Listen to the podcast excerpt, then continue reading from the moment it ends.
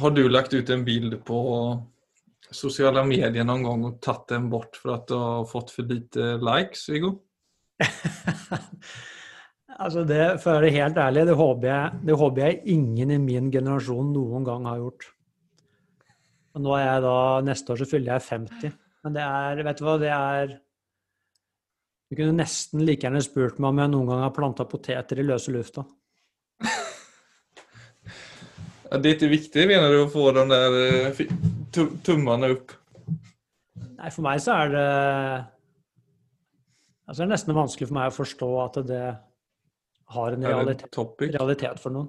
Altså jeg, jeg, for meg så er det Jeg syns det er helt uinteressant, for det første.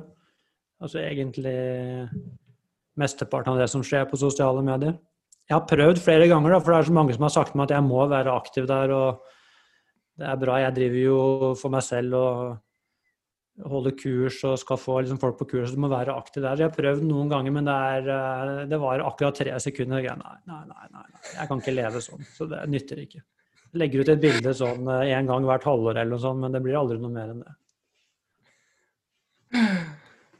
Men er det er det for, ja, Du syns bare det er helt uinteressant, altså? altså det, det å liksom For det er jo en form for Altså, det har jo blitt usunt på mange måter, men det å dele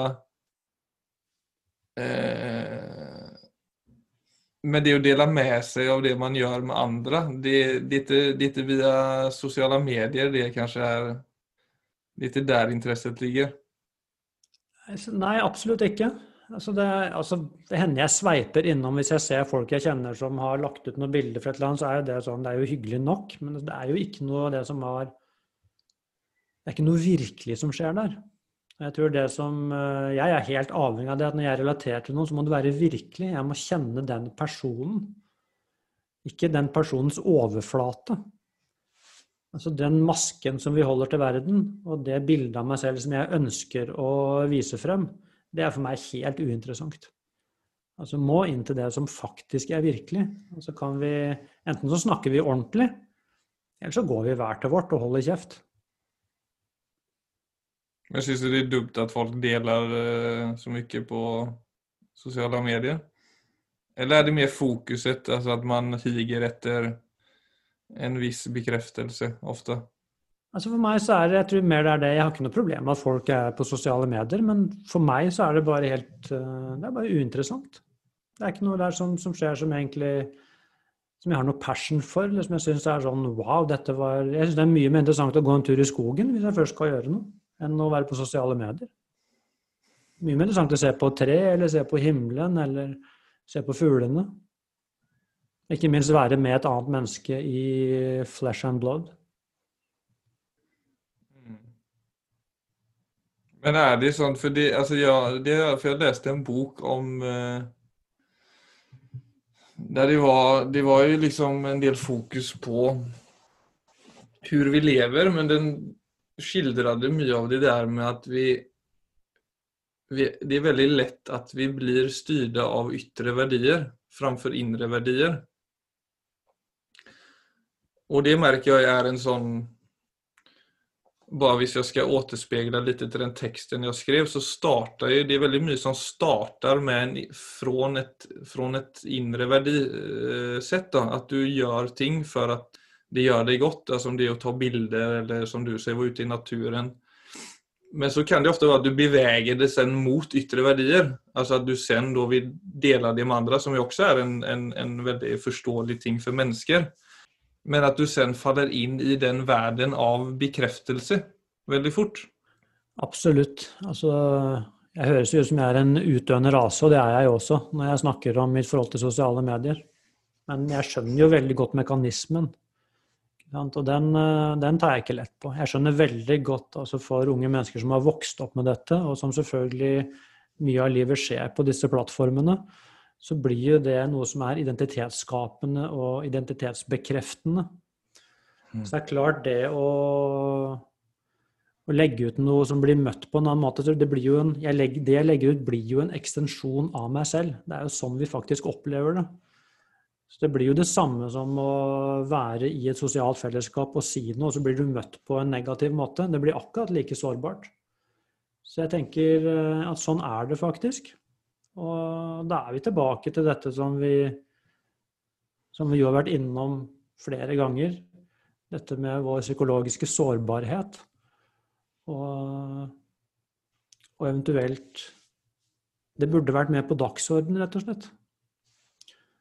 Det blir, det, blir, veldig sårbart, og det er en forferdelig måte å leve på. For disse plattformene er jo også åpne eh, hele tida. Så i verste fall så blir du eksponert hele tida. Så det er Har du liksom skapt et sånt sug i deg? For det er veldig mye Altså det, det, har ju, det har ju på en måte gått så langt at Nå skal jeg ikke generalisere, men ja, hvis vi holder det til unge, da, så har det jo blivit at ting som før ikke var noe man delade eller som man tenkte var nødvendig å dele, er noe man deler i dag. Altså at det har blivit Det å dele har blitt en ny form for å være. Da. Nettopp. Og det tror jeg er uheldig rett og slett pga. vår psykologiske sårbarhet. Fordi at det blir veldig selvsentrert. Og hvis du bare undersøker det, så vil du se at jo mer selvsentrert du er, jo mer sårbar er du. Og da tenker jeg sårbar på den, den negative måten. Og blir, altså du legger på en måte hele Du lar egentlig omverdenen bestemme verdien din. Altså det blir konsekvensen av det. Istedenfor å se at det Og ikke minst også få perspektivene til å se, til å hele tiden ta tilbake til meg selv. Altså, jeg er meg uansett. Så hvis du finner Selvfølgelig hvis du har en sterk selvverdi og finner grunnfjellet i deg selv, så kan du godt bruke disse sosiale plattformene som en lekeplass. Men uansett om du får null likes eller 10 000 likes, så spiller jo ikke det noen rolle, for det er en lek. Mm. Når det faktisk er at du investerer det sosiale livet ditt der, så er det en, det er en skummel arena å legge sin potensielle selvverdi. Veldig skummel. Og det er det som skjer faktisk. Men jeg, føler også at den, altså de psykologiske mønstrene som på en måte man anammer via sosiale medier, det er jo også altså, så mye og så ofte som vi faktisk bruker telefonen, så er det jo også noe som man tar med seg sen videre inn i det vanlige livet også. Altså, jeg kan jo merke det på meg selv at jeg søker mer bekreftelse i sosiale setninger i dag enn hva jeg gjorde for noen år siden jeg brukte sosiale medier mindre. Altså det är precis som det är en sån, det sparkar igång vissa psykologiska mönster som blir varande också i møte med det verkliga livet. Då. Känner du hva jeg mener? Altså det, det, vekker, det väcker et sug. Jeg skjønner Og et litt sånn dysfunksjonelt mønster som også man kan ta med seg sen når du møter mennesker på ja, bare ute på gatan eller eh, om du er ute, og, ute på en fest eller whatever. Så er det noe som, eh, som, som sitter litt igjen. For at de, de, har, de har liksom tatt over såpass mye, da, den måten å være på. Ja, ja, det skaper vaner. Så jeg tror det hadde vært veldig godt for oss å høre ofte at du blir ikke større av andres applaus, og du blir ikke mindre av andres kritikk. Altså 'jeg er meg uansett'. Og det står støtt i alt slags vær. Så kan, det være, kan vi mer gå til det som Det er hyggeligere å få, kritikk, å få applaus enn kritikk. Men det er ikke noe krise. Nei, for det er så som jeg har opplevd det, så er det hver gang jeg søker den bekreftelsen, så er det en sånn følelse av å liksom lemne meg selv. Ja, det er, og det er akkurat det du gjør, så det er jo helt riktig. Altså Det blir jo en form for at den, den, den bekreftelsen er det som skal bekrefte min selvverdi, ikke det at jeg er meg. Ja. Det, men det er bra, ganske bra sagt. Altså det, altså det, å forlate seg selv for å prøve å finne sin verdi utenfor seg selv, det er jo satt i system. Så det er jo noe vi er lært opp til. Så vi er jo som sånne dresserte apekatter alle sammen, som hele tiden holder på med det som faktisk er umulig. Og det er det ganske fint å kunne gjennomskue så tidlig som mulig i livet, og så bare skifte retning. For å prøve på noe som er umulig. Du kan aldri finne virkelig selvverdi noe annet sted enn i deg selv. Og det er jo som regel det siste stedet vi leiter, for det er ingen som forteller oss at det er der vi finner det. Vi tror vi finner det i andre ting, men der vinner du det ikke. der finner du bare mer og mer usikkerhet. Mm. Jeg fant jo noe på sosiale medier i går som jeg delte med deg. Så du det? At Ja. jeg tagget deg i går. Ja, jeg gjorde det. Fikk du sett på det, Natta? Ja, jeg hadde lest artikkelen tidligere, så jeg, det er mange som har eh, egentlig sendt meg artikkelen og spurt har du sett dette. Det er en artikkel da om mindfulness og meditasjon. Det, vel, det var vel begge de to som stod i senter der, og at det, eller meditasjon i første hand, kan gi biverkningar som depresjon og angst, blant annet. Ja. Er du enig? Uh, nei, jeg er jo ikke enig i den formuleringa, men uh, Men uh, selvfølgelig så kan Altså mindfulness og meditasjon nettopp fordi at du du roer ned kropp og sinn, og så begynner du å undersøke hva som faktisk skjer i deg selv. Så er det klart at eh, at du vil da kunne oppdage mange av disse ubehagelige tilstandene. Så det er ikke det at meditasjonen skaper angst og depresjon, men du vil kunne komme i kontakt med det. Fordi at det er ting som eh, beveger seg i psyken din. Så, så jeg tror det er viktig å Altså Jeg opplevde at eh, artikkelen var en Det er viktige ting den tar for seg, tar for seg men, den, eh, men den er skrevet med egentlig veldig liten forståelse av menneskesinnet, må jeg si. Så det hadde vært fint hvis det kunne blitt uh, tatt de refleksjonene litt dypere. Så, men jeg tror det er veldig viktig hvis man begynner med, med mindfulness eller meditasjon, også for å komme bort La oss si at man har problemer med uro, angst, depresjon, og sånne ting, og hører om mindfulness, og dette er løsningen, så tror jeg det er veldig viktig å ta bort de illusjonene om at med en gang man begynner med mindfulness, så faller man inn i en sånn herlig tilstand og ro. Mm. Så, fordi at mindfulness er, det er utfordrende. For det, det det egentlig handler om, er å begynne å se på seg selv. Det tenkte, jeg på, det tenkte jeg på når jeg leste artikkelen. Det der med at det er jo altså, sånn som den holdningen vi ofte har i samfunnet, er jo at altså, så lenge vi på en måte forholder oss til psykisk uhelse som noe vi liksom skal skyve bort, eller at vi skal tenke positivt, eller at vi skal få medisiner utskrivna. Altså med andre ord bare hele tiden legge et lokk på et problem. Så er det klart at mindfulness-holdningen er jo radikal i det anseendet at vi bestemmer oss for å gjøre motsatsen og møte det. Som jo er fundamentet i mindfulness. Og det er jo også et nødvendig steg for å, for å komme gjennom det vi opplever som problem. Nei, det er noe med forventningene her igjen. Altså det er eh, Hvis du går inn i meditasjon på ordentlig, så vil du måtte forholde deg til hele spekteret av den menneskelige syke. Det er uh, alt det som vi vanligvis ikke ønsker å komme i kontakt med, men også da alt det som er i den veldig positive delen av skalaen. Alt vil du møte. Og det du trener på egentlig, er å å kunne forholde deg til alt. Og se det at Altså angst, hvis du tenker på det ikke som en diagnose, men som en følelse. Det er en følelse som alle mennesker har, og som alle mennesker må forholde seg til. Så alle mennesker har angst.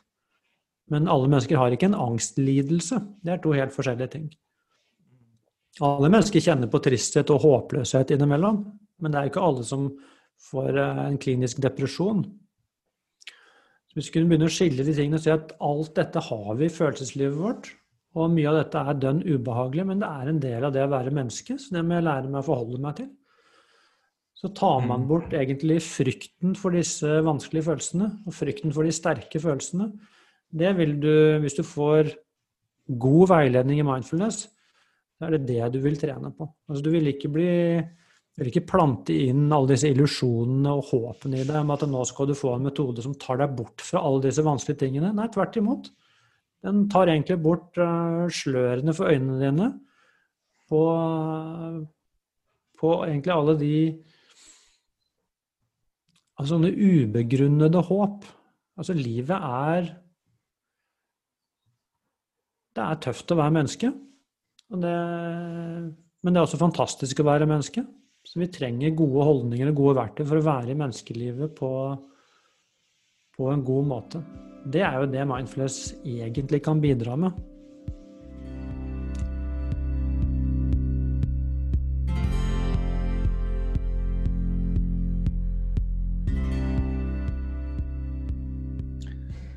Det er en svensk forfatter som heter eh, Sigge Eklund. Han har også en av Sveriges største podcasts.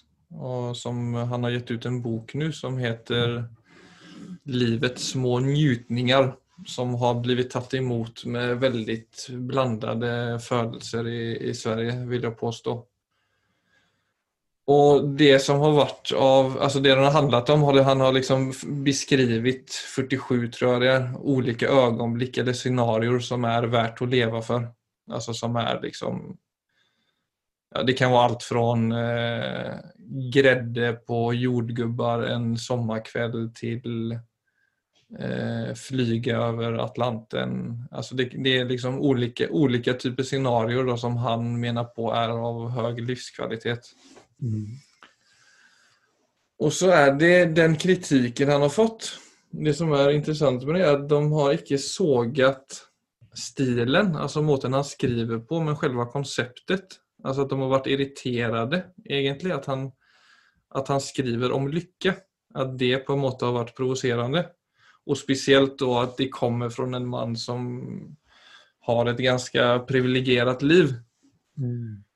Og så har det også vært en sånn undervåg om at all god konst er sprungen av mørker og angst og ikke av lykke. og at Det hadde vært, det var en som skrev at det hadde vært mye mer interessant å skrive om livets små elenden og, å våkne med angst og 47 andre vidrigheter i livet. De kunne, kunne kanskje kommet sammen, altså to bøker i én. Så kunne man fått uh da får man hele spekteret på begge. Da får man hele spekteret av den menneskelige psyken. Men eh, det er jo interessant det der med at vi, vi har gjort lykke til noe overfladisk. Og at vi har gjort smerte og lidelse til, eh, ja, til nesten sannheten om eksistensen. Altså, hvis du går inn i kunstverdenen, så tror jeg det er en absolutt sannhet at uh, at det å skape god kunst fra lykke, det tror jeg er ja, nesten, nesten, uhørt. Altså det, det fins liksom ikke. Og hvis du går inn i altså filosofien, så er det jo også Det som egentlig er etablert som sannheter, er at vi lever i et meningsløst univers. Altså hvor alt er grunnleggende tilfeldig, og at mening er noe vi skaper selv. Det fins egentlig ikke, men vi kan skape det selv. Mm. Og dypest sett så er vi Den dypeste sannheten om mennesket er at vi er alene. Og vi, og, vi tror, og vi, tror, at det er sant. Det er det som er så interessant. Vi tror at det er det som er sant. Så hvis du skal være et autentisk, sant menneske, så blir, all den, så hverdagslykken blir overfladisk. Men eh, det som er interessant, er at det er ikke noe sant ved de perspektivene. Det er faktisk antagelser. Det at vi lever i et eh, kaldt, meningsløst univers, det er ikke noe vitenskapelig bevis for det. Det er en vitenskapelig antagelse. Så det er en tro på linje med all annen tro. Det er ikke det er ikke vitenskapelig verifisert i det hele tatt. Men det er vel visse som bare opplever at den, den, den, troen er mer rimelig enn overtro, da, som, som, man kanskje mener er de andre? Ja, det er nettopp det. Og hvis du begynner å undersøke grunnlaget for den troen, så ser du at den, eh, den hviler ikke på noe ordentlig fundament i det hele tatt. Så så på én måte så er det veldig interessant det du sier, for jeg opplever jo at det altså Begge de perspektivene du drar fram der, det ene er på en måte vi kan søke tilflukt i hverdagslykken. Og så blir da jordbær med fløte og du vet, fly over Atlanterhavet Det for meg blir sånn, det er veldig viktig og nydelig. Det høres veldig poetisk ut. Men han drar da fram egentlig sånne som vi snakket om sist, peak experiences. Mm. Og legger lykken på det. Så... Ja, og det hadde vært verdt å kriti ja, kritisere, men å skrive om i hvert fall. Ja, det er verdt å reflektere over, i hvert fall. Og så er det da noen som går til det andre ytterpunktet, så de blir, de blir provosert, og det kan jeg kan jo godt forstå det, men så går de da til det andre ytterpunktet. Og, så, og da tenker jeg sånn, hvorfor er det interessant å snakke om altså liksom 47 eh, eksempler på, på livets lidelse? Från han författarens ståsted så var det ju något, han ville måla upp 47 ögonblick som vi alla kunde ha till fälles. Och att vi grundlägger, och det var liksom hans djupare mening då med boken, att grundläggande sett så är vi alla lika, alltså bak eh, våra olik olikheter så vill vi detsamma. Ja, og da Men da må jeg gå tilbake til uh, egentlig grunnlaget for mindfulness. Og det grunnlaget er jo faktisk uh, Buddha. Uh, som vi tenker på som en person. Mens Buddha betyr jo bare våken. Så Buddhas erkjennelse ligger jo egentlig til grunn for, for hele den buddhistiske psykologien som har gått videre inn i mindfulness. Og det som er interessant med, med den, er at det han så i, i denne dype erkjennelsen, som han kalte for oppvåkning, som han, som han da er beskrevet i det som kalles de fire edle sannhetene, så er det nummer én Livet innebærer lidelse. Så der er vi ved det kanskje denne andre forfatteren sa. Og det, det er likt for absolutt alle. Livet innebærer lidelse. Men så går han videre da i det han oppdaget, at det som konstituerer denne lidelsen, det er at vi altså hele tiden insisterer på å få det sånn som vi skal ha det. Altså vi griper hele tiden etter ytre ting og insisterer på at vi må ha det på en viss måte. Men, men det er en vei ut av det. Det er noe som heter frihet for et menneske. Skritt nummer to livet trenger ikke være videre. Det er akkurat det. Så egentlig den lidelsen opprettholdes hele tiden av vår uvitenhet om hvordan ting henger sammen. Så derfor så må du egentlig inn i dyp refleksjon over eksistensen for å bryte ut av den sirkelen. Så på en måte så vil de da være enige, altså fra et buddhistisk ståsted så vil de være enige med han som sier at ja, det som alle mennesker kjenner til lidelse, så det er likt for alle. Men de vil også si det ligger i alle menneskers mulighet å komme til frihet. For det at vår dypeste natur, den er fri. Så det som også forener oss, det er at uh, Altså dyp, dyp glede over eksistensen ligger innerst inne i alle menneskers sinn. Så det forener oss også. Så det blir veldig skjevt, og det er jo en tragedie hvis vi er at det eneste som forener oss, er lidelse. Men så tar det motsatt. Det som virkelig forener mennesket, det er potensialet for frihet og den dype freden og takknemligheten over livet som ligger i, som ligger i uh, sinnets natur. Så der blir det en helt annen form for balanse. Og så får du da også det som kommer med der, det er at ja, hvis livet er vanskelig, så er det en vei ut. Og du finner ikke veien ut ved å prøve å ignorere det. Så hvis du bare går til eh, jordbær med, med fløte, så finner du ikke veien ut av den eksistensielle floken. Men det er heller ikke noen løsning å gå og si ja, ja, vi får bare akseptere at livet er egentlig et grunnleggende helvete, da, så vi prøver å gjøre det beste ut av det. Nei, nei, nei. Det er en helt annen løsning tilgjengelig for mennesket. Men da må vi begynne å oppdage hva et menneske faktisk er.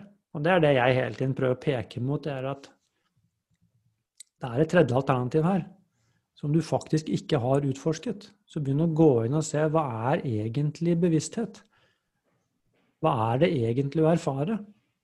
Hva er det egentlig som skjer? Har du undersøkt det noen gang? Og det er det ingen som har gjort, for det, de verktøyene får vi ikke. Men de verktøyene er der faktisk.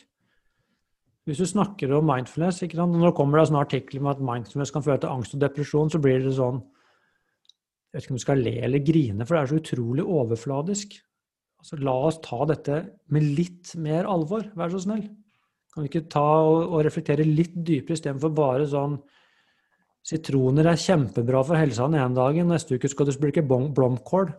Og tredje uka så er blomkål plutselig frem, kreftfremkallende. Altså det er bare sånne sensasjonelle ting som ikke sier noen ting om helheten.